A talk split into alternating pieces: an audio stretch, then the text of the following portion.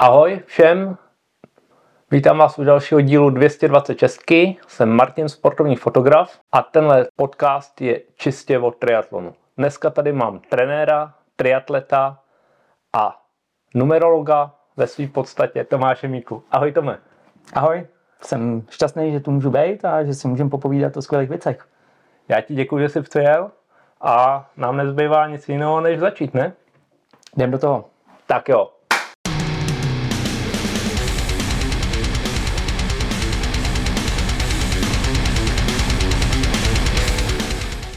Ahoj Tome, jaká byla cesta?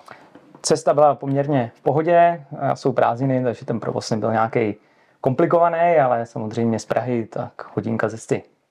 Jsem rád, že jsi přijel, že jsi přijel pozvání, protože my se spolu známe už díl, jednak uh, z role koučovací, kdy jsi mě chvilku ved. Do dneška běhám v tvý kombinéze, když to jde. Ale vnímám tě v poslední době, posledních třeba pět let, čtyři roky, zhruba jako víc v té koučovací, koučovací fázi, v té trenérské, kdy si se stal odborníkem na Training Peaks, na vaty a v poslední době se ti povedlo, že pracuješ na fakultě tělesné výchovy a sportu, kde testuješ lidi, týmy a v neposlední řadě teďka máš hodně hokejistů. Takže pověs nám o tom, co děláš teďka a pak se vrátíme k tomu sportu tvým. Co dělám teďka? No tak uh, teďka v současné době máš pravdu, uh, máme stále tréninkovou skupinu, takže vedeme uh, poměrně velké množství lidí v triatlonu. Moje žena Veronika, tak ta jde spíš tou praxí, to znamená, že učí lidi na bazénu, plavání a podobně. To je jedna část. Ta druhá část je, že opravdu jsem začal pracovat na fakultě tělovýchovy a sportu. Jednak si tam dělám doktorát, jednak jsem tam dostal úvazek, že i učím fyziologii zátěže a jednak uh, jsem členem v laboratoři, takže se účastníme spoustu laboratorních testů. Ale do toho mám ještě druhý úvazek a to je na CASRY Praha, která taky vlastně testujeme lidi. My spadáme pod vojáky a kromě teda vojáků, tak testujeme i vrcholový sport. Převážně to jsou sportovci z Dukly, takže cyklisté, veslaři a podobně. Takže mám to poměrně uh, jako našlapaný ten den, ale jako moje silná stránka je vedení času a zvládání, takže si myslím, že to zvládám zatím poměrně dobře. To tě hrozně závidím, protože s time managementem já mám hrozný problém. Ale koukal jsem v poslední době, ty máš takový home office, po každý někde jinde by se dalo říct. No, to bylo teď spíš období a to období ještě stále je, kdy vlastně, a, vlastně monitorujeme kondici hokejistů, ať už se jedná o juniorku nebo dorost, protože svaz má s naší fakultou smlouvu a dělají to dobře, protože kombinují nebo monitorují mm, prostě výkonnost těch mládežnických kategorií a vlastně naší práci je oběd ty akademie takzvaný a tam je řádně otestovat a pak ty data samozřejmě předáváme dál, zpracováváme a předáváme svazu, takže mm, bylo to teď a stále je to velmi náročný, že prostě objíždíme po, celém, po celé republice hokejové akademie a monitorujeme tedy výkonnost mladých nadějí, mladých jágrů a hašků. A mám z toho obrovskou radost, protože dneska se hodně zmiňuje téma, že ta kondice obecně je nízká, že prostě jsme měkký a tak dále, ale musím říct, že mladí hokejisté jsou na tom poměrně dobře, co se týče nějakého aerobního základu. A myslím, že ten problém, a nejsem hokejový specialista samozřejmě, ale myslím si, že ten hokej, že ten problém nebude ani tak v té kondici, ale spíš ten herní systém, ale o tom by bylo asi povídání v jiném podcastu, než tady s triatlonovým. Eh, zatížení hokejistů je velice specifický, ve svým podstatě jsou nějakých 20-30% na ledě. A pak sedějí minutu, minutu a půl na střídačce. To je s těma datama i dál, nebo jenom vyhodnotíš a předáváš dál trenérům, který podle toho dál pracují? Jo, tak já to naštěstí nemusím nějak dál řešit, to znamená, mým úkolem je otestovat a zanalizovat a poslat výsledky trenérům, takže já se s tím zase tak moc nezabývám, ale testujeme několik jako složek, ale mojí složkou je, že testujeme tu aerobní vytrvalost, to je ten klasický VO2 max test spiroergometrie, kde vlastně zjišťujeme, do jaké míry mají rozvinutý tu základní vytrvalost, tu obecnou kondici, tu aerobní zdatnost. A druhá strana té houpačky je ta anaerobní složka a tam je Wingate test, 30 vteřinový sprint. A myslím si, že je to pěkný dát potom do té mozaiky, že vlastně někdo může mít velmi dobrý ty aerobní předpoklady, ale špatný ty anaerobní. Na druhou stranu někdo to může mít naopak a tak dále. Takže s tímhle vlastně pracujeme a to dáváme do té mozaiky jednak těm trenérům, ale ty už si to pak musí zpracovávat ten kontext toho trošku sami, že to už není v našich, našich silách. Krásně si nakop eh, oslým můstkem VOX2, protože mm-hmm. jsme se u kávy bavili, že se vrátíme trošku ke včerejší časovce. Eh, ten podcast bude v příští týden, takže je to o 8 dní zpět. Eh, fenomenální výkon Jensena.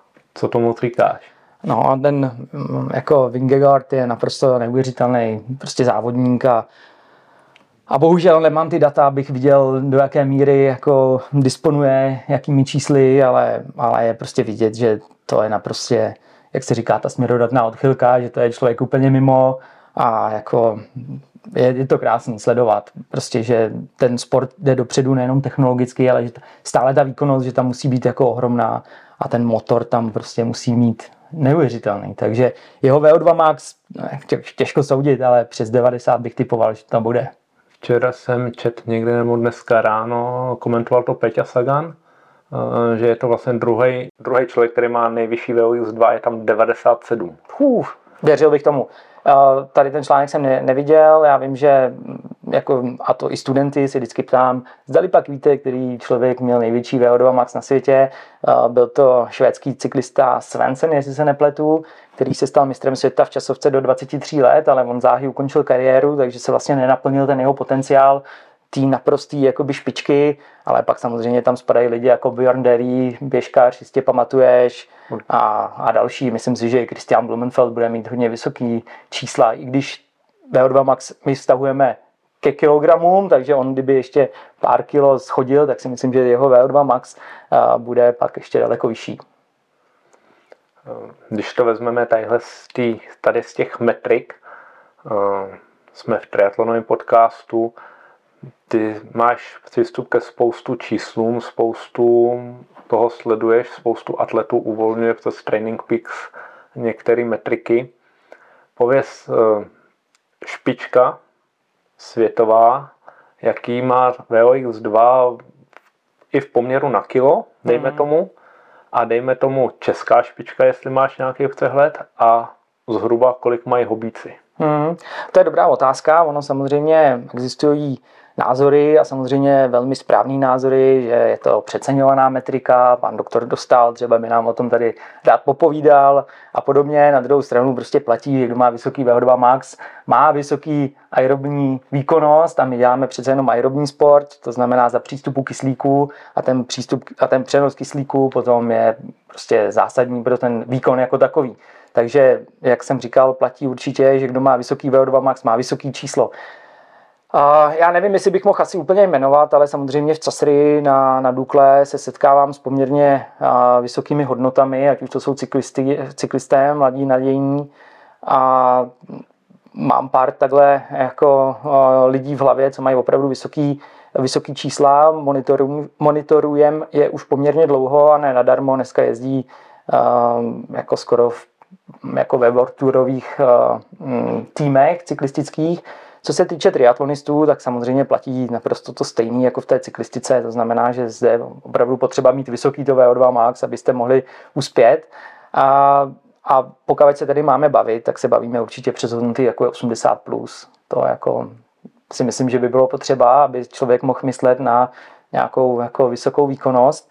No a co se týče jako těch amatérských závodníků, tak tam si myslím, že vlivem toho vytrvalostního tréninku lidi jsou schopní dosáhnout přes těch 60, jako přes těch 60 ml na kilo za minutu, což už jsou poměrně vysoké čísla a řeknu třeba, že hokejisté extraligoví mají ve smlouvě, že musí dosáhnout 58 a pak vlastně splňují ty požadavky extraligových hráčů. Ne všichni jsou samozřejmě schopní těchto hodnot dosáhnout, ale většina z nich toho dosáhne. No a co se týče běžných lidí, tak vždycky říkám nějaký běžný netrénovaný lidi nebo lehce trénovaný ve věku, dejme tomu 40 let, tak dosahují okolo těch 40 VO2 max. Takže si můžete představit, že vlastně běžný amatér má 40 a top profesionál má vlastně dvojnásobek. A to nakonec si vidíte, že jo? když někdo běží půlmaraton na prostý hobík, tak to běží prostě za dvě hodiny a ten top atlet to běží za hodinu, takže, je, ale samozřejmě ono to takhle nefunguje, ale skoro bych i tak jako řekl, že to tak jako může hezky jako zkreslit nebo přikreslit. Vím, že jsi uh, Garminák a Garminy mají funkci VO2 max. Ano. Jak, uh, jak je přesná? Protože hmm. ty máš přístup k těm laboratorním podmínkám a máš přístup i k těm uh, řeknu laickým, protože... Hmm, těm predikovaným, dejme tomu. predikovaným věcem. Já jsem jako velmi překvapený, že to funguje velmi dobře. To je jako první věc. A vlastně ono to funguje na základě nějakého algoritmu, že to znamená, člověk s tím sportuje, stanoví se mu nějaký anaerobní práh a na základě toho anaerobního prahu zjišťuje, jakým tempem jste schopný jako běhat na okolo toho anaerobního prahu, plus minus, jako je to trošku komplikovanější. No a protože Garmin samozřejmě má obrovské množství dat a s těma daty umí pracovat, tak samozřejmě tyto predikce se velmi zpřesňují.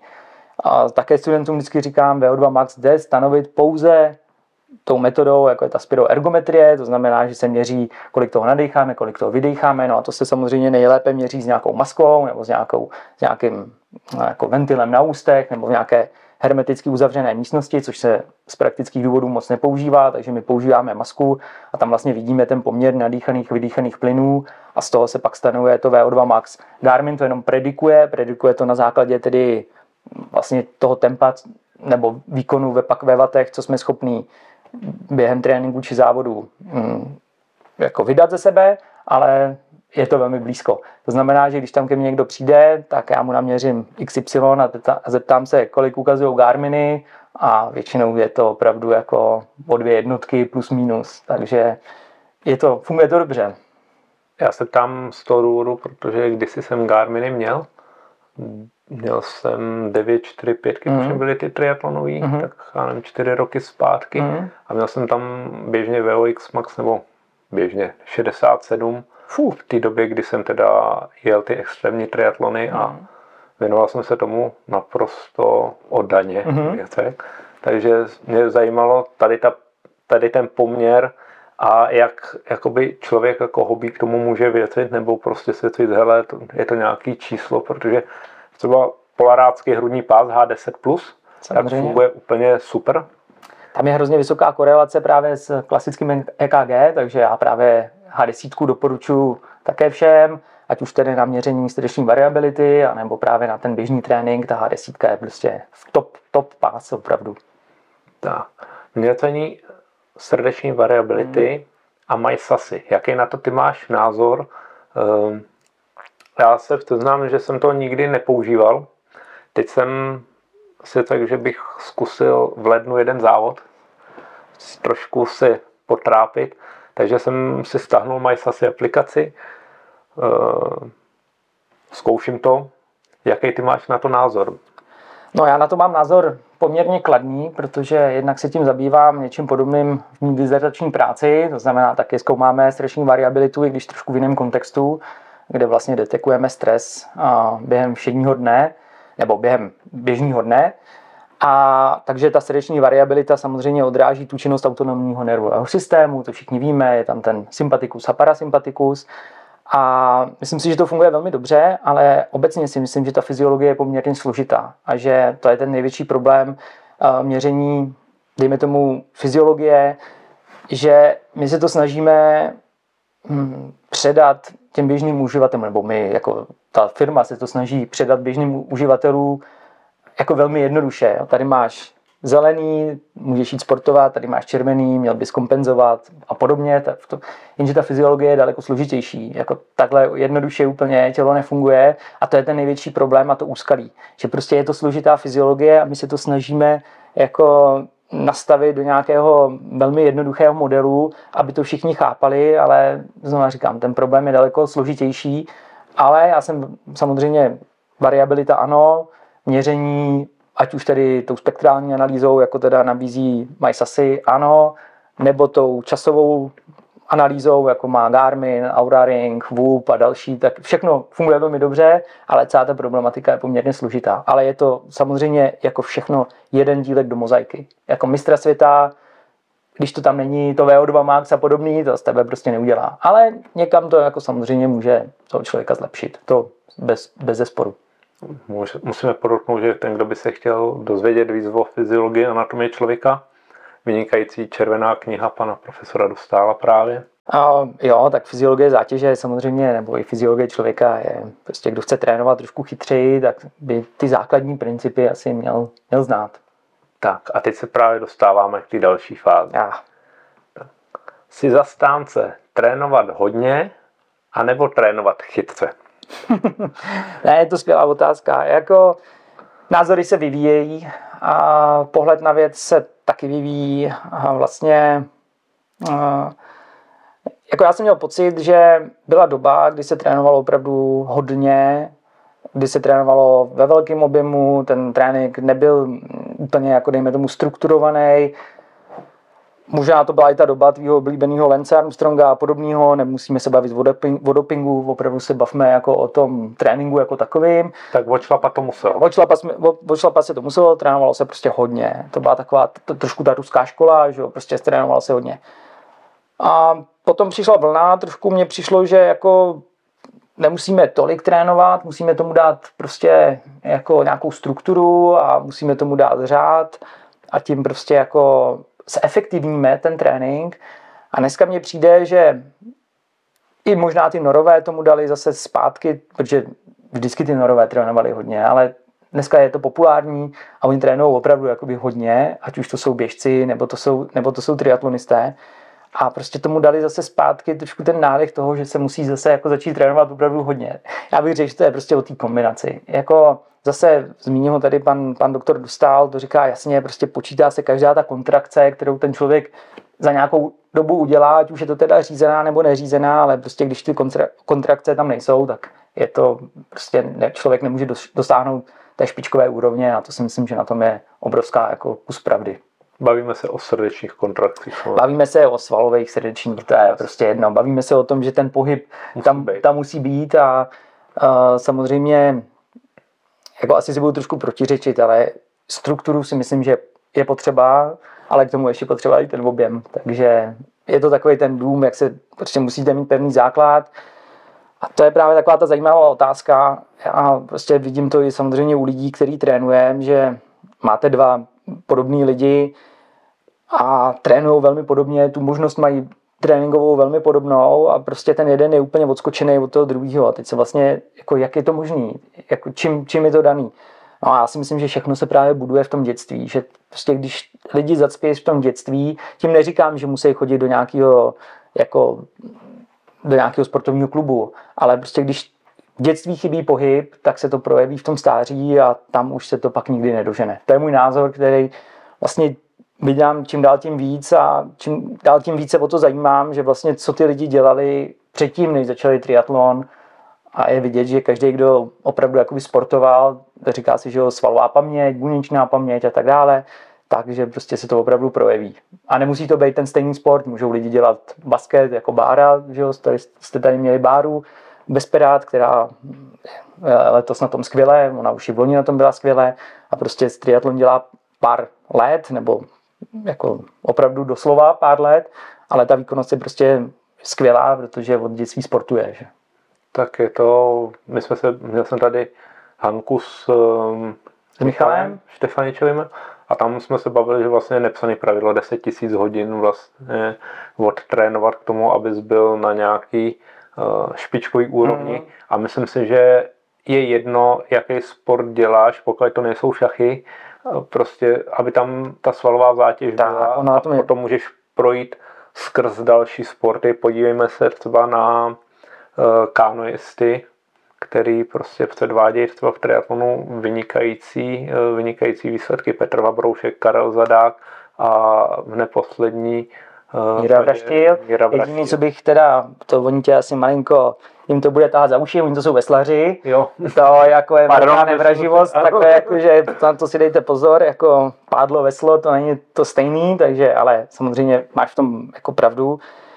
A je to pravda, jako to byl psycholog Erickson, který právě stanovil těch 10 000 hodin, že se dosáhne té mistrovské úrovni, ať už budete dělat cokoliv, hrát na klavír nebo sportovat, tak jakmile od makáte 10 000 hodin, tak můžete myslet na tu mistrovskou úroveň.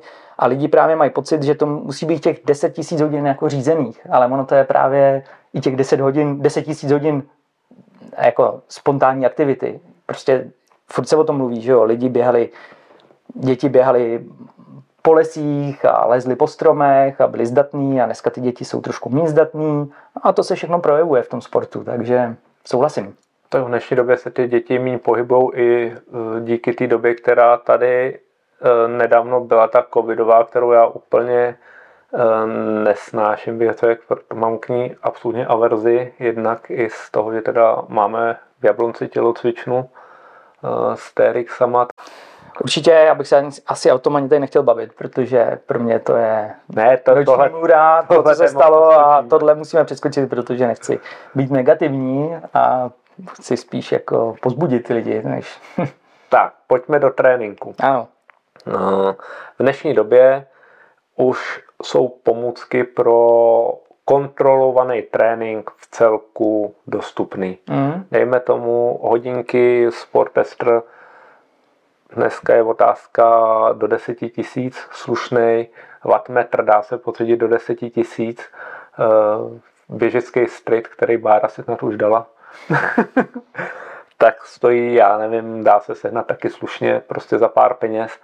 Eh, Co pro tebe, nebo která metrika pro tebe je důležitá? Vím, že se to kombinuje. Tepy, vaty. Já mám třeba tu zkušenost, že vaty jsou v nástupu i hned. Mm. Ty tepy víc doznívají. Tvůj názor, protože ty se tím zabýváš. Já se tím zabývám a je pravda, a už jsem to taky řekl, člověk se trošku vyvíjí a i moje názory se trošku vyvíjí.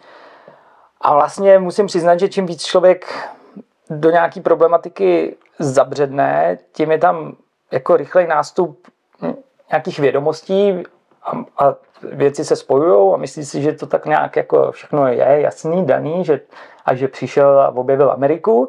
No a jak do toho začíná zabředávat víc a víc, tak najednou se začíná objevovat víc a víc otázek, na kterých už je těžký najít odpovědi a najednou si říká, sakra, já vím, že nic nevím.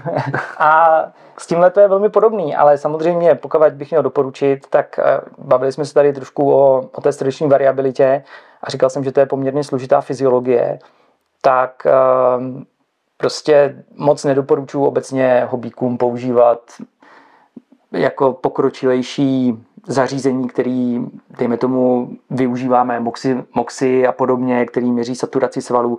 Je to prostě složitá fyziologie a pro mnohý už to není do toho tréninku takový přínos. Takže ať se vrátím zpátky, samozřejmě wattmetr, ať už na kole nebo na běhu, skvělá věc. Myslím si, že to je top, jako jednoznačně top.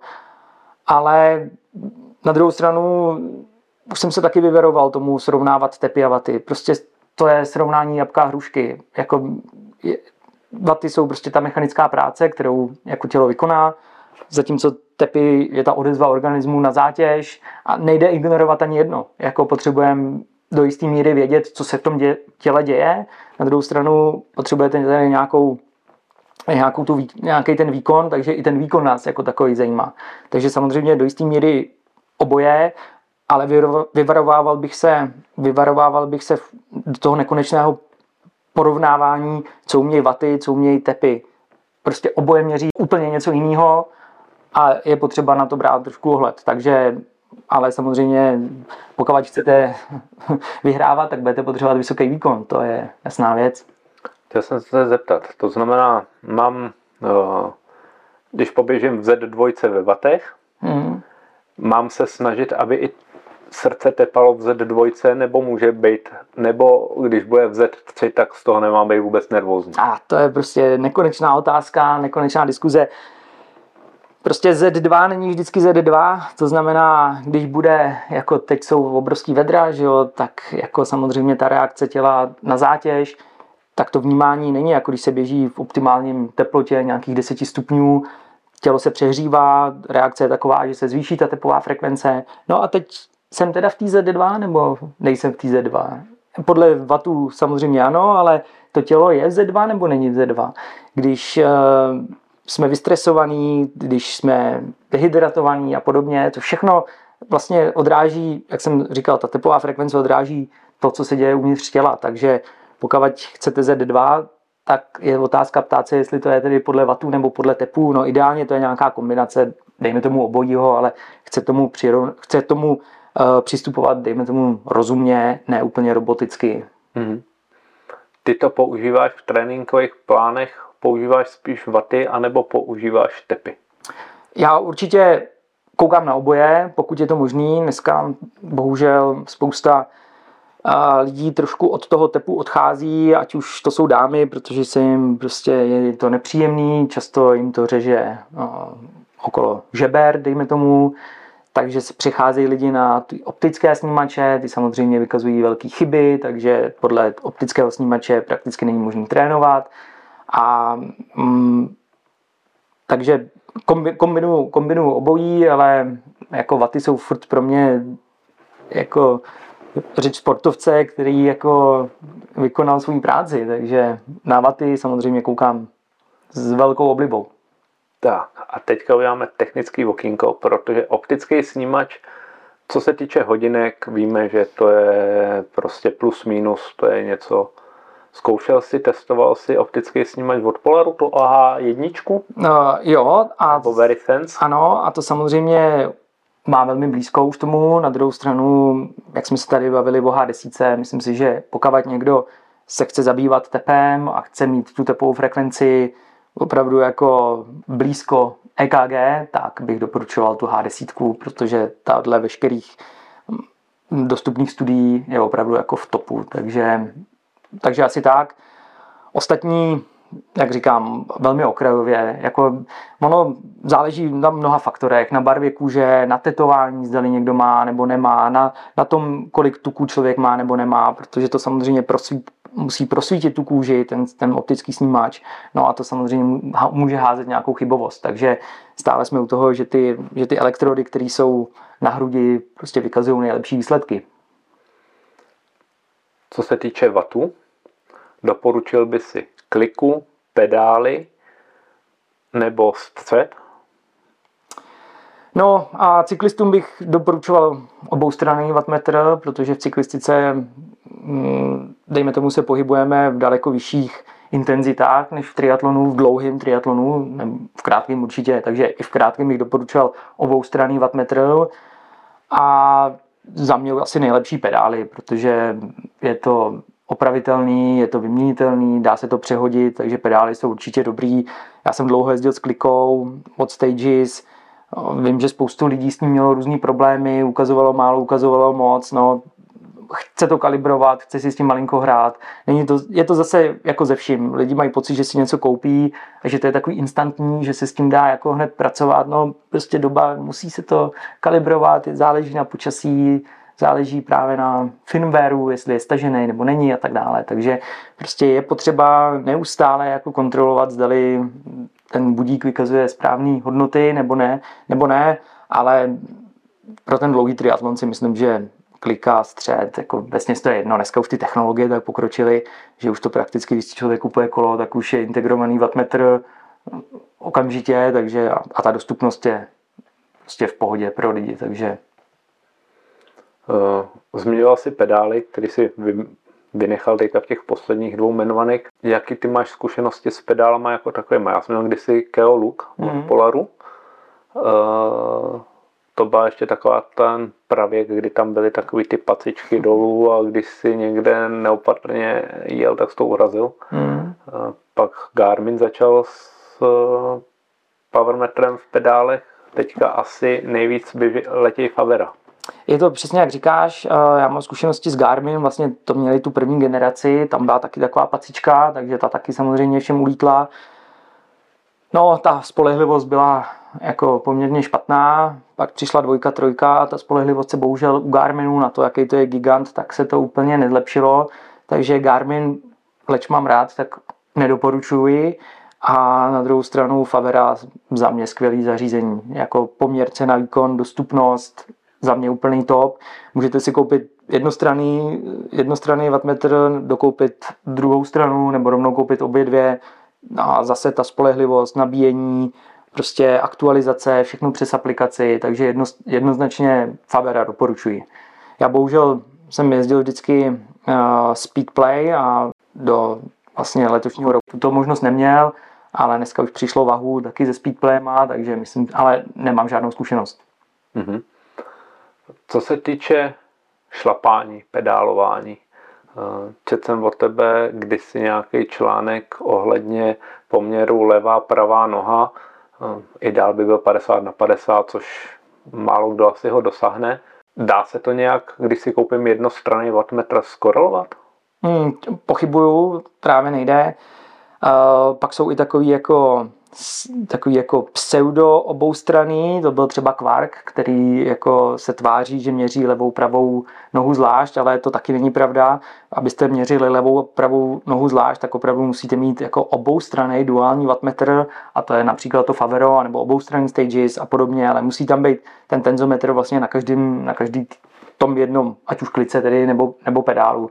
Ani SRM to vlastně neumí, to měřilo ze středu, takže to bylo jak jsem říkal, jako pseudo, obou, pseudo že jako oboustranný, ale v reálu to měřilo, neměřilo obou straně. A je to samozřejmě důležitý, jako na druhou stranu vidíme Leonela Sanderse, který jako je vychýlený totálně na jednu stranu a stejně tu výkonnost má, no to je vždycky takový jako lichý říct, chtělo by to takhle dělat, ale existuje tady jedna výjimka a teď to někdo vmete. Já myslím, že je dobrý pracovat na slabinách obecně, pracovat na disbalancích a prostě snažit se o ten vyvážený pohyb, protože děláme cyklický pohyb, ať už tedy v tom běhu nebo, nebo na kole a každá disbalance by se mohla ať už dřív nebo později projevit, takže pracovat na tom vyvážení těla si myslím, že je fajn. Na druhou stranu zase neberme to dogmaticky, že 50 na 50 je jako zlatý pravidlo. Je tam nějaká odchylka, ale jako kdo má 45 ku 55, tak už by se mohl začít trošku zamýšlet jako nad biomechanikou svého pohybu. Procento tam nehraje prostě roli. A stejně jako vždycky studentům taky říkám, jako není to vždycky úplně černobílý, je to celý složitější a samozřejmě a, asi jako s tím VO2 Max, VO2 Max u hokejistů, když mají 57, tak to není špatný a když mají 58, tak to najednou není jako, že je to dobrý zelený. Jo, jako lidi si to snaží všechno vyškatulkovat, ale celá ta problematika je vždycky trošku složitější. Když si poměříme levou a pravou no, stranu těla, tak vždycky vidíme, že není stejná. Když si takový ten oblíbený uh, Photoshop, když si vlastně překryjem levou stranu tou pravou, tak zjistíme, že nejsme stejní. Že jo? Takže, a stejný je to i v tom těle. Jednu stranu máme dominantní, většina lidí je buď praváci nebo leváci, takže ta jedna strana je vždycky trošku dominantnější než ta druhá. No a to se samozřejmě musí projevovat. Takže jako plus minus 1% nehraje žádnou roli, bych řekl. Jakou roli hraje, uh, jestli to správně řeknu, ta zkratka GDP a GAP, to znamená uh, záběr, kdy nohou tlačím, dejme tomu pravou tlačím dolů hmm. a levou tahám nahoru. Hmm. Jako tady to není úplně moje parketa, abych řekl pravdu. A i když uh, jsem se tím jednu dobu zabýval poměrně ho, jako hodně, a zjistil jsem, že pak prostě záleží hrozně na tom měřáku. Leč se spousta wattmetrů, wattmetrů tváří jako oboustraný, tak prostě vždycky je tam vždycky je tam nějaký algoritmus, který to trošku dožehluje, dejme tomu, tu, ten výkon jako takový a pak se to projevuje právě tady na těch jako jemných niancích a to je to, když se snažíme odhalit, kolika, kolik, vaty, kolik vatů ztrácíš v té mm, v té fázi vlastně, dejme tomu od já nevím, od 9 do 12, jako když si dáme jakoby hodiny, tak zde dochází jako těm ztrátám vatovým, no ale na to už potřebujete poměrně slušný zařízení, abyste byli schopni to odhalit. Leomo, Wattbike do jisté míry, ale, ale na to už potřebujete opravdu jako velký zařízení. Říká se, že cyklistika není úplně technicky náročná, jako třeba plavání nebo běh. Přece jenom, když vidíme někoho běžet Keniana a pak vidíme nějakého jiného člověka, nějakého úplného hobíka, tak vlastně na první pohled je evidentní, že ta technika, nebo v plavání, že ta technika je úplně jiná. Na tom kole to tak evidentní není, protože tu dráhu pohybu máme danou klikami, prostě pevně danou, takže k těm pohybům mimo, těm balastním pohybům tam zas tak nedochází, ale uvidíme, že u těch profesionálů taky šlapou trošku jinak, než šlapeme my. Je to jako všechno, zase jsme, vrátíme se zpátky, je to prostě mistrovský, mistrovský dílo, protože mají šlapáno těch 10 000 hodin plus, takže musí to být někde znát na tom pohybu. A samozřejmě tyhle lidi mají menší to procento těch, těch vatů ztrátových, vždycky nějaký dochází, ale samozřejmě čím je člověk editnější, tím k těm ztrátám dochází míň a míň, proto je vždycky složitý poměřovat jako ty baty na kila, my to máme rádi, že jo, strava na stravě, kolik vatů potřebuji, abych vyjel tenhle kopec a získal kom, ale celá ta problematika je pak trošku složitější. Z cyklistických vatů pojďme na běžecký vaty. Uh, mám street a je tam spousta údajů, které vůbec nerozumím. Uh, včera jsem byl běhat, protože jsem si říkal, že se na tebe chci připravit i z trošku praktické stránky, tak ač uh, teď už dlouho nic nedělám, tak jsem si zaběh nějakou dvanáctku na ovále, abych to měl přesnější. A zjistil jsem to propojení tam dejme tomu, myslím si, že jsem tam měl 305 W, běžel jsem 4,29 a měl jsem tam další číslo, kterému vůbec nerozumím, 10,5 kN. Mm-hmm. Nějaký LSS. Ano. Můžeš nám povědět, eh, co to pro hobíka znamená, nějak tomu porozumět, nebo těm hračkám, co jsem si koupil, tak porozumět, tak eh, jenom ve zkratce nám říct, vlastně na co ty se jako trenér díváš? Hmm. No, ono v první řadě je vůbec potřeba říct, že cyklistický wattmetr se nerovná ten běžecký. To je jako první věc, protože zatímco v cyklistice vlastně platí, že čím vyšší vaty jedu, ať už teda vaty na kilogram, když to přepočítáme, anebo jako absolutní hodnotu, takže čím vyšší vaty jedu, tím jedu rychleji, třeba do kopce, tak eh, v běhu tohle neplatí, to znamená, neplatí vlastně ten předpoklad, že čím vyšší vaty běžím, tím poběžím rychleji, protože zde vstupuje ještě druhý parametr a to je běžecká ekonomika. To prostě v běhu je zase o čem jsme se bavili. V běhu jako ta technika hraje obrovskou roli. Takže tam máme dva parametry, dva takový, takový dva velký pytle a to, to je ten výkon jako takový, který vlastně vydávám a druhý, jestli ten výkon jde tím správným směrem, když to řeknu pro hobíky, protože ty můžeš vydávat velký výkon, ale ten to je jako s teplem, když nemáš dobře izolovaný dům, tak ti jde všechno pryč, nejde to třeba tam, kam by mělo mít. Takže běžecká efektivita nebo technika a, a, a ta výkonnost a to, a to spojení těch dvou parametrů je klíčový pro běh. Takže to je, tohle ale v cyklistice nemáme. Takže to je první, a, jako první určitě kapitola, o kterých bych se bavil. A druhá kapitola je ten běžický odraz, to je zase další důležitá věc, to je to LSS, čím si řek. A to je prostě jak, jako ten atletický kotník, ta práce, kterou my jsme vlastně schopní vlastně je to takový pružení, nebo já nevím ani, jak to lépe, lépe nazvat. No a zde je to zase trošku složitější, než je to v cyklistice, protože mm, záleží o jakém sportu se bavíme, záleží na kontextu jako takovým, protože lidi mají pocit, že chtějí být co nejekonomičtější v tom běhu, vydávat co možná nejnižší vaty, aby jako a vůči té rychlosti, to je to, co jsem říkal, jenže ten celý problém je, že pak tomu není adekvátní technika. To znamená, že nejlepší, jako nejekonomičtější je chůze, ale to nám není úplně a nebo takový ten šouravý způsob běhu, ale my potřebujeme do toho i běžet relativně rychle a k tomu právě potřebujeme tu práci toho kotníku. Takže to celý takový jako složitější ta běžecká problematika než ta cyklistická a možná to je jeden z těch důvodů, proč i ten street zatím, i když je čím dál tím oblíbenější, stále si myslím, že je na vzestupu, ale myslím, že ta problematika, problematika je hlubší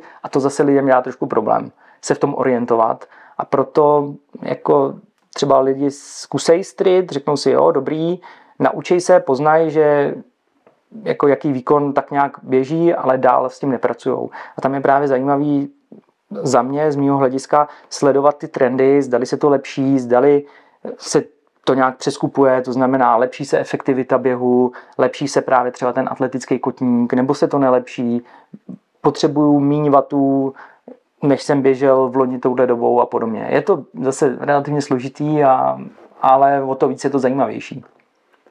Ty jako trenér tady na to koukáš u těch svých jedinců, protože vím, že těch jedinců, který trénuješ jakoby napřímo, úplně tak uh, se jich nebereš moc. Ty jako trenér, když připravuješ individuální plány pro svý atlety, pro svý sportovce, tak tady to všechno analyzuješ u každého zvlášť, anebo uh, to máš ještě rozkastovaný, třeba to je eliták, to je amatér, to je hobík, anebo jdeš tou cestou, mám 10 lidí, o kterých vím všechno hmm. a tréninková skupina čítá třeba 30 lidí, ale tréninková skupina samozřejmě to samý, jako když e, někoho kouču. No, je to samozřejmě, čím vyšší ambice, tím je potřeba větší analýza. To je prostě jasný. Mám kluka e, Slováka, který jezdí e, závody na horských kolech, Český slovenský pohár, mezinárodní úroveň, snažíme se o olympiádu. Samozřejmě u takových lidí je potřeba brát každý detail a zabývat se opravdu detaily, variabilitou, glukózou a tak dále. A samozřejmě zase u lidí, kteří to mají jenom jako hobby, mají to nějaký doplněk svého života, tak takovýhle lidi nemají potřebu, aby se analyzovalo, jestli mají elitní došlap nebo nemají. Takže odpovím tak nějak, že ze zvyšující se výkonností je samozřejmě zvyšující se potřeba analýzy. Je všeobecně známý, že i ta běžecká technika má samozřejmě vliv na jak na rychlost, tak na ekonomiku běhu a spousta triatletů neběhá úplně atleticky, co si budeme povídat. Některé ty došlapy přes patu a taky tam jsou.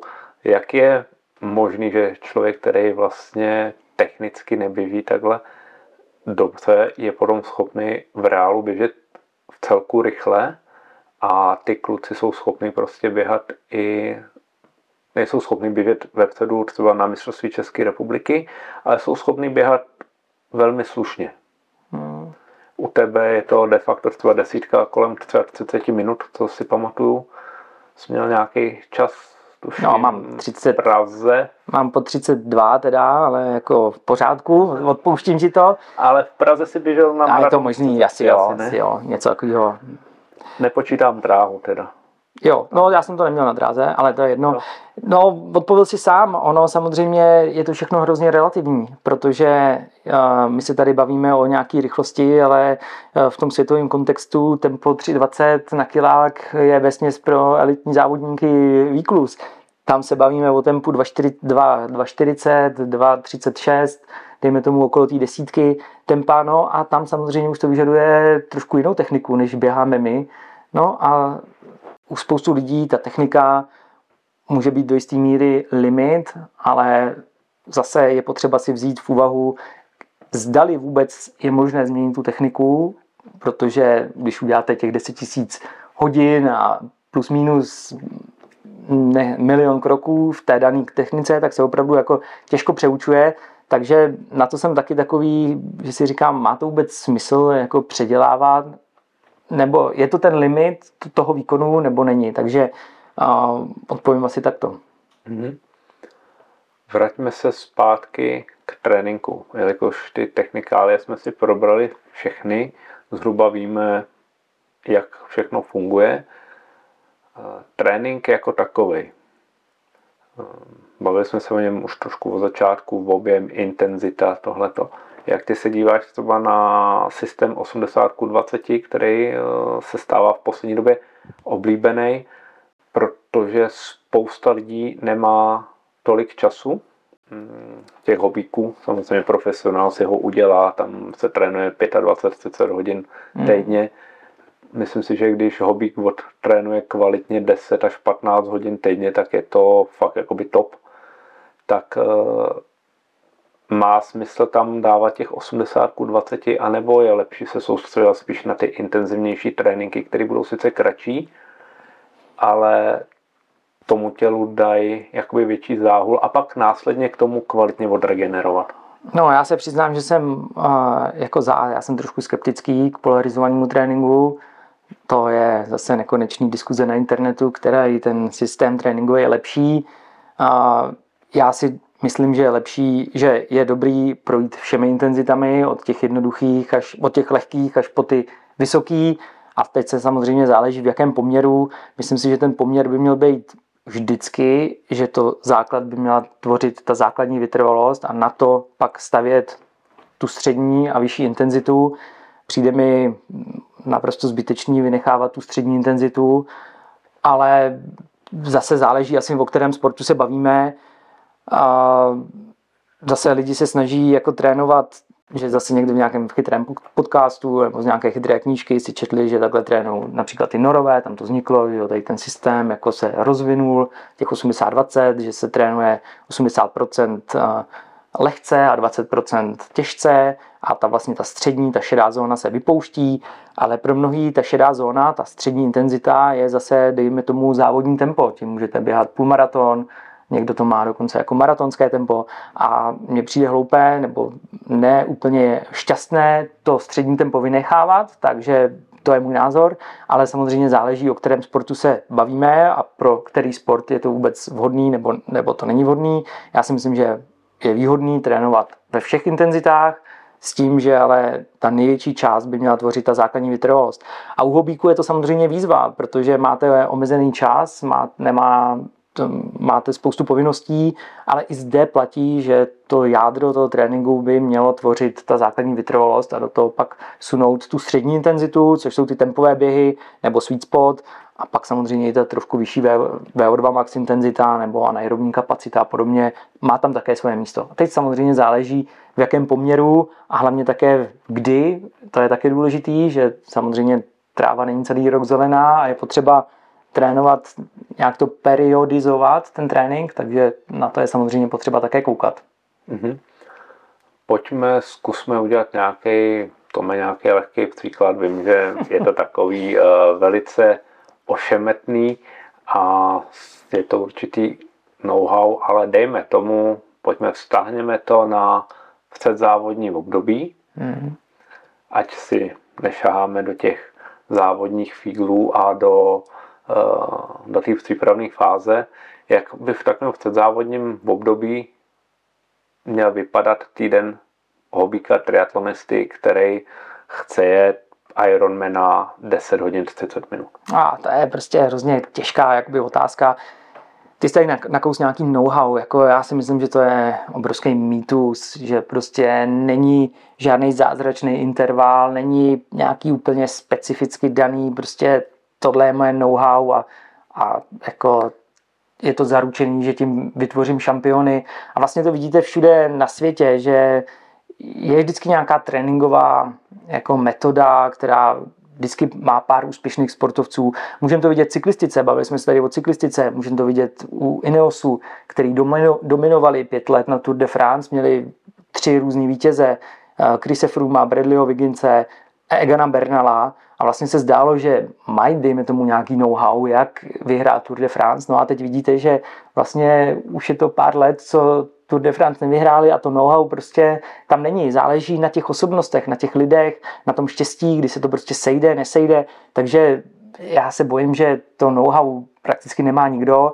To důležité, co je, je ta konzistence v tom tréninku, permanentně pracovat, krok po kroku, týden za týdnem, nepřestávat, jet, jet a nějak rozumně to strukturovat, ten trénink. To si myslím, že je největší práce toho trenéra, aby ty, aby ty úseky a to zlepšení, dejme tomu, nebo ta, ta struktura toho tréninku byla co možná nejlépe postavená pro toho daného jedince vůči těm jeho možnostem, takže to je první věc. A co se týče nějakého obecného plánu, to jsem trošku jako se zdráhám dávat obecní doporučení. Já mám rád, když ten, když ten týden vlastně začíná relativně volná, pozvolná a stupňuje se směrem, dejme tomu, eh, k sobotě, neděl, k, k pátku, jakože během toho týdne lidi mají většinou omezené časové možnosti, takže tam spíš si trošku hrát s intenzitou a víkend pak věnovat té aerobní složce, to znamená dá tam nějaký delší kolo, dá tam nějaký běh delší, dá tam nějaký přechod, střídat tam, dejme tomu, různý tempa, ale věnovat to opravdu, že většina lidí má čas o víkendu, takže ten víkend věnovat víc těm hodinám, tomu objemu a v tom týdnu se snažím tam zase dávat víc té intenzity, když vím, že jsou časově omezený.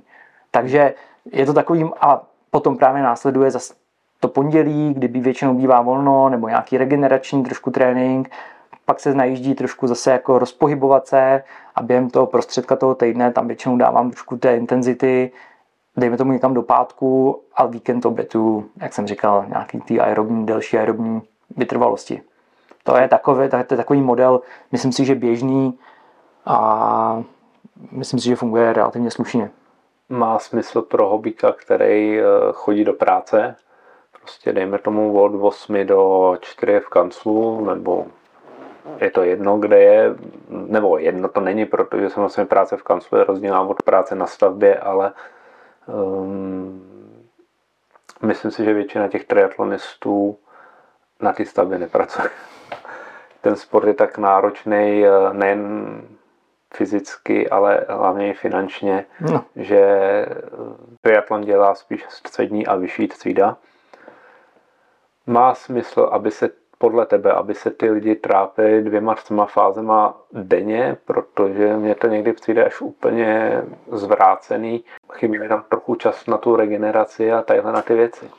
No, je to zase velký téma, no. takže samozřejmě záleží kdo, záleží proč, záleží jestli ty možnosti má na té jeho práci, zda má rodinu, nemá rodinu, takže ale všichni víme, jako triatlon je náročný sport, časově, finančně velmi náročný a prostě kdo chce být dobrý, musí hodně trénovat a když chcete trénovat hodně, tak jedna fáze vám samozřejmě nestačí, takže jako i u hobíků dávám dvě fáze, samozřejmě dá se to relativně dobře kombinovat s tím plaváním, to znamená ráno brzo, mm, brzo ráno si jít zaplavat, odpoledne druhá fáze, takže v nějakým takovýmhle duchu se dá pracovat, ale jak říkám, kdo se rozhodne pro triatlon, tak eh, musí počítat s tím, že bude ho to stát eh, nejenom hodně peněz, bohužel, triatlon se posunul opravdu pro tu střední až vyšší, střední vyšší třídu, tak ho to bude stát i hodně času. Bára si tě chválila, že jako trenér ji nezatěžuješ žádnýma uh, datama a nechceš po ní nic, jenom ve svým podstatě výkon.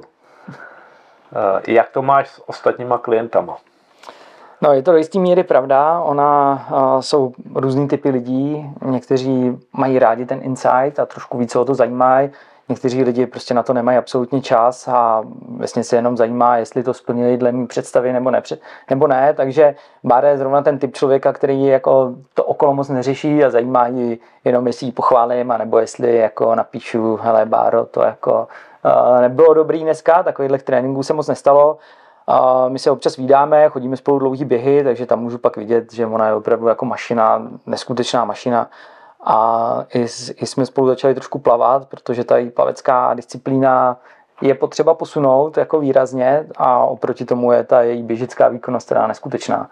Musím tedy zmínit, že v Rotu zaznamenala pátý nejlepší čas ze všech, včetně profi, což si myslím, že jako hovoří samo za sebe. No, takže jak jsem zmínil, někdo to má rád ten insight, někdo to nevyhledává, opravdu velmi záleží. A ani to není o výkonnosti. Může být někdo, který nemá takovou výkonnost, ale přece jenom ta, ta, ty metriky ho zajímají a někdo může mít špičkovou výkonnost jako Bára a ty metriky zase jdou trošku mimo ní. Hele Tome, uh, chci jet triatlon, protože tady ten podcast by měl nabudit i uh, motivačně třeba lidi, kteří to nedělali a chtěli by začít. Za každého takového člověka jsem rád. Našel jsem si trenéra, protože jsem viděl v podcastu nějakého Tomáše Míku. Jak taková spolupráce s tebou vypadá?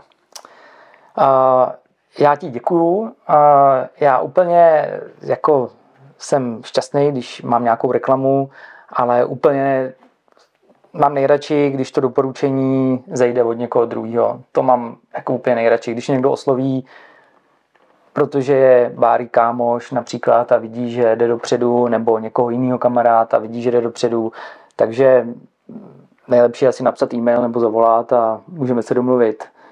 Na druhou stranu já jsem opravdu docela jako vytížený, takže už to není, že musím si brát jako velké množství lidí, takže ať napíše a uvidíme. hodíš to potom na svoji ženu Veroniku, když nestíháš, protože ta je vlastně od listopadu má jedničku trenéra triatlonového, velice dobře plave, velice super, co já si pamatuju, tak eh, plavání dělala, má plaveckého trenéra, tuším. Mm, dvojku. A teď má teda jedničku triatlonu, takže jste taková triatlon, triatlon coach company, nebo family spíš. Uh... Do jistý míry určitě, já prostě mám rád, když holka trénuje s holkou, kluk trénuje s klukem, myslím si, že já vím, že trénuju baru, ale obecně se snažím, když holky trénují s Verčou a já spíš trénuju s klukama přijde mi to takový logičtější. Veronika samozřejmě, jak jsem říkal, cvičitelka plavání nebo trenérka plavání, do toho má nejvyšší trenérský vzdělání v triatlonu. Těch tady moc nemáme v České republice, kdo by disponoval jedničkou, takže myslím si, že to, že to tu kvalitu má jako takovou, ale samozřejmě nakonec je to i o těch lidských vztazích. Ještě máme jednoho trenéra, Ondru Kyselu, měl tady vlastně dva jeho svěřence, Michala Hanžla a Tomáše Petráka, tak to jsou lidi, kteří jsou, kteří jsou pod ním a myslím si, že ta symbioza funguje relativně dobře. To je super tady to vědět, protože Tomáš s Michalem si ho nemohli vynachválit.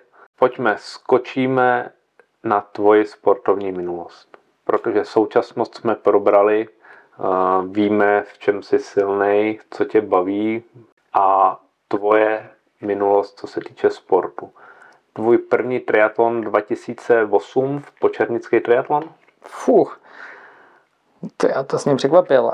Já si myslím, že můj první triatlon byla Xtera nebo terénní triatlon v Žlutých lázních, kdy se jelo na horských kolech a protože jsem nedisponoval neoprenem a plavalo se ve Vltavě a byl květen, tak jsem skočil do vody, tam jsem chytl takzvaný psychosomatický záchvat a po asi třech metrech jsem vylez z vody a triatlon jsem nedokončil.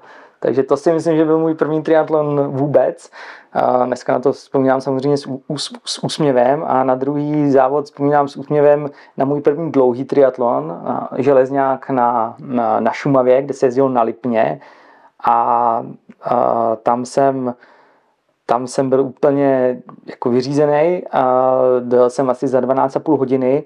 Děkuju Tomovi Langhammerovi, který mě odtáhl celou cyklistickou část. Já jsem v rámci pravidel samozřejmě jel uh, schovaný za ním, protože jsem absolutně nevěděl, jak se takový závod má jet. A, ale nadchlo mě to a říkal jsem si, že tady budu muset začít systematicky nějak trénovat a pracovat. Oslovil, oslovil nebo našel jsem si tehdy svého trenéra Jana Gruzu, a začali jsme trénovat, no a rok na to jsem byl třetí na mistrovství republiky na Moráviamenu, zlepšení asi o tři hodiny, myslím, že jsem končil 9.15, což v dnešní době už samozřejmě není tak zázračný čas, ale ve své době to nebylo zase tak špatný a tím jsem si triatlon úplně zamiloval, vlastně jsem, se, vlastně jsem tomu propadnul. A to jsem byl ještě na vysoké škole, nebo těsně po vysoké škole a Petr Valeš mě vlastně nabídl velmi dobré podmínky pro trénování, takže jsem byl v rámci e-triatlonu jsem jednak začal trošku trénovat lidi, začal jsem cvičit lidi i v bazénu a do toho jsem mohl hodně trénovat, takže jsem se snažil o profesionální kariéru. Našel jsem si poměrně slušný sponsoring, tímto děkuju také Petrovi Michovskému, který mi výrazně pomohl v mý životní kariéře a dovolilo, ty podmínky, které mi dal, mi dovolilo se tomu věnovat takřka na 100% a za to jsem jako šťastný, že, že tomu tak bylo. Snažil jsem se o profesionální eh, kariéru, snažil jsem se o to dostat mezi profesionály na Havaj, ale ta výkonnost prostě tam nebyla tak vysoká, i když jsem dělal, co jsem mohl. Je to o tom, o čem jsme se bavili, možná jsem v mládí někde polevil, ale prostě leč jsem trénoval opravdu hodně, tak to tam prostě nebylo, hlavně v té cyklistické části. Možná díky mé postavě jsem prostě na to neměl. Zaznamenal jsem jako asi můj nejlepší výsledek je šestý místo na Ironmanu, na Ironmanu v NIS v profesionální kategorii a to asi vlastně považuji jako takový top výsledek, který jsem zaznamenal. Poslední triatlon tuším je 2019 Šamorín? O, já myslím, tak že i v loni jsem měl nějaký triatlon u Labe, ale díky mý práci, díky tomu, že se hodně věnuju mladýmu, tak prostě na ten triatlon já bych rád jezdil, ale na ten triatlon bohužel už nemám takový čas, takže občas chytnu z nostalgie chuť a dám si nějaký kratší triatlon, ale slíbil jsem si, že jakmile dodělám doktorát, tak můj školitel Tomáš Větrovský, který taky jezdil Ironmany, má kolem 10 hodin a je to tedy vážený docent, tak jsem mu slíbil, že jakmile mě dovede k tomu titulu PhD, tak že mu za odměnu dopřeju, že si dáme spolu Ironmana. tak to je zajímavý. Je to podobná výzva, nebo pro ně to je spíš odměna a ne jako výzva mezi Štrangem a Karlem Zadákem. Uvidíme, jak to dopadne. Na to se hrozně těším, protože eh, eh, Karel není člověk, který by odmítal výzvy a Štrang je takovej... Rejpálek? Bude to zajímavý. Moc se na to tak. těším. Eh, na kousy svého syna já mm, většinou do těch rodinných eh, věcí moc nezasahu. Vím, že ty je hodně živý dítě, věnuješ se mu, byli jste teďka kempovat, užili jste si to, předpokládám. Eh, jak k němu přistupuješ, k Timovi? Hele, sport je prostě naše bublina, já to všem říkám, sport je moje bublina, je to bublina mý ženy a samozřejmě to dítě je velmi ovlivněný tím sportem. M, trošku jsem si myslel, že by mohl pokračovat v našich šlépějích, protože Veronika je triatlonistka bývalá a začal relativně brzo plavat, začal s atletikou, tak jsem si říkal, už, už to je blízko k tomu triatlonu, ale prostě okouzlili ho týmový sporty a jakmile poznal, co je týmový sport, tak jako veškerý individuální sporty šly stranou, takže v současné době dělá lacrosse, ten miluje a já ho v tom jenom podporuju, takže sám už umím házet a tímto zdravím uh, Aničku přítelkyni od Pavla Vola, která je reprezentantka a teď taky dělá tedy uh, do triatlonu, takže uh, tria- lacrosse je nádherný sport. Je to indiánský sport. Tak, původem. správně. Zmínil si Aničku od Pavla, Pavel tu bude příště, takže se to krásně prolne. Bude to ve své podstatě teda lakrosový uvítání pro Pavla. Tome, já jsem asi vyčerpal všechny otázky, které jsem na tebe měl, eh, kromě jedné. Ve své podstatě je složitější trošičku a je to strava a regenerace. Co si myslíš, že a budeme se bavit v čistě naší hobické úrovni, protože profesionálové nemá smysl tady říkat, že si počítají, kolik čeho mají doplnit a tak. Veme tomu střízlivý odhad, hobík. Chodím do práce, uh, měl bych třeba si odceknout sklenku vína večer s uh, manželkou, když je to tak, protože se jenom trochu tmelí tu rodinu, ten čas pro tu ženu je většinou až večer. A co regenerace hmm. po tréninkách? Uh, zase velký téma a přiznám se, že jako zase je to velmi složitý o tom mluvit.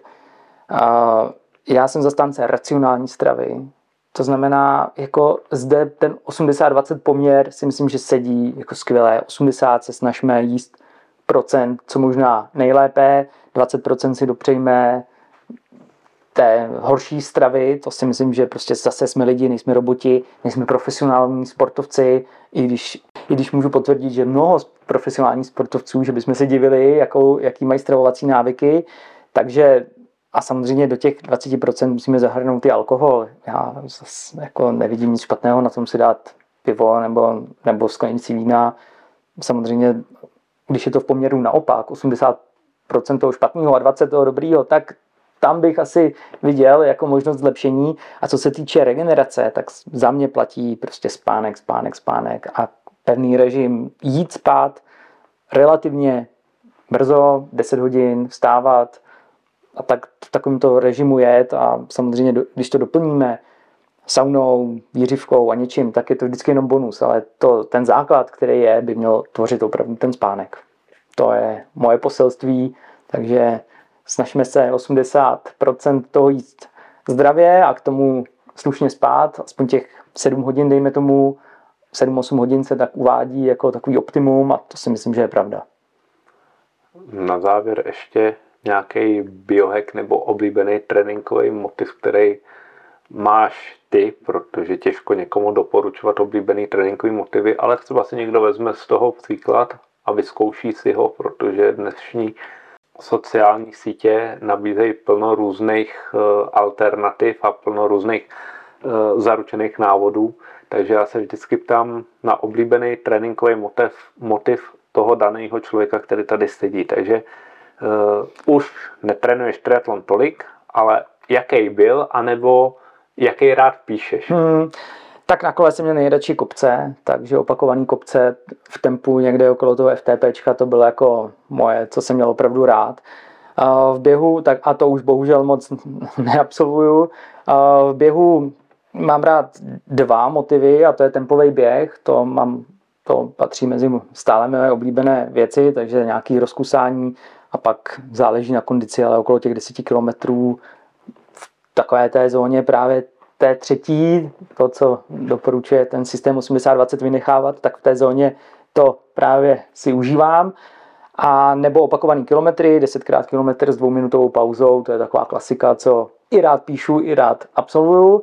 A co se týče plavání, tak jako motiv 30x100 s tím, že 10 bez pacek, 10 v packách, nebo 15 bez, 15 bez pacek, 15 v packách, start 1.30 a v packách 1.25, tak to jedu do teď. Mm-hmm, to je moc hezký. To bych si nedostavil v tom bazénu. bych se ani nestačil odrážet, odrážet od stěn. Super.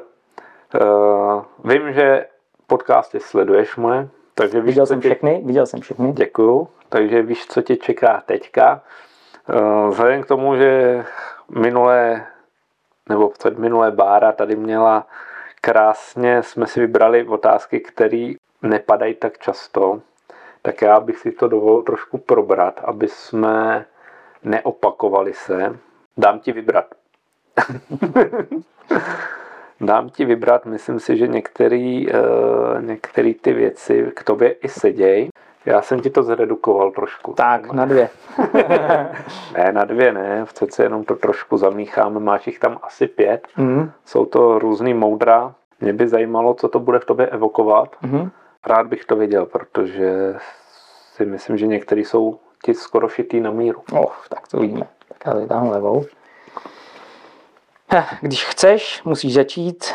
Když začneš, musíš chtít. No, to je prostě naprosto to, co prožívám každý den, protože uh, PhD studium je opravdu náročné, kor pro mě, protože jsem po, já nevím, 12, 13, 14 letech zpátky v lavici a bylo to poměrně dlouhý rozhodnutí, protože se přiznám, že zase tak k životu to nepotřebuju, uh, udělat si doktorát, ale říkal jsem si, vždycky jsem byl zvyklý si dávat nějaký životní mety, nějaký cíle, ne všechny cíle jsem v životě dokázal, vy jako profesionální start na Havaji, prostě jsem to nedokázal, ale člověk věděl, že tomu dával vše, nebo relativně vše, že tomu dal, co mohl a pak s tímhle pocitem se dá žít poměrně dobře, než se dloubat v myšlenkách, že mohl jsem tomu dát víc a kdybych býval byl, něco udělal. No a další takový jako rozhodnutí přišlo právě, jestli jestli se nevrátím do té školní lavice, jestli si neudělám doktorát a nezačnu trošku na té akademii působit.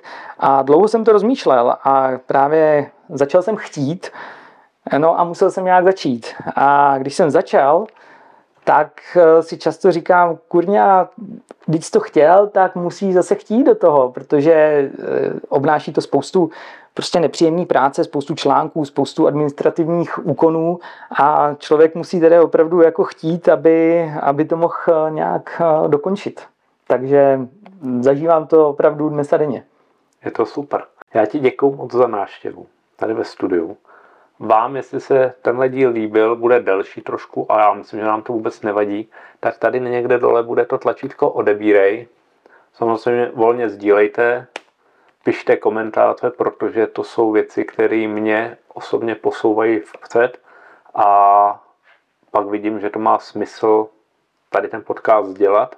Chtěl bych ještě jednou poděkovat teda Tomášovi. Díky za návštěvu, Tomé. Jsem rád, že jsi přijel a hodně zdaru v tvém PhD studiu. Děkuju a já tobě hlavně děkuju, že něco takového pro nás děláš, pro naši triatlonovou komunitu, protože si myslím, že jsme stále relativně malá triatlonová komunita, ale že ten obsah prostě máme rádi, čteme rádi články, rádi posloucháme chytré povídání nebo zábavné povídání a takže i já za triatlonovou komunitu moc děkuju, že do něčeho takového se spustil. Já ti taky díky. Tak jo, mějte se, ahoj, čau čau.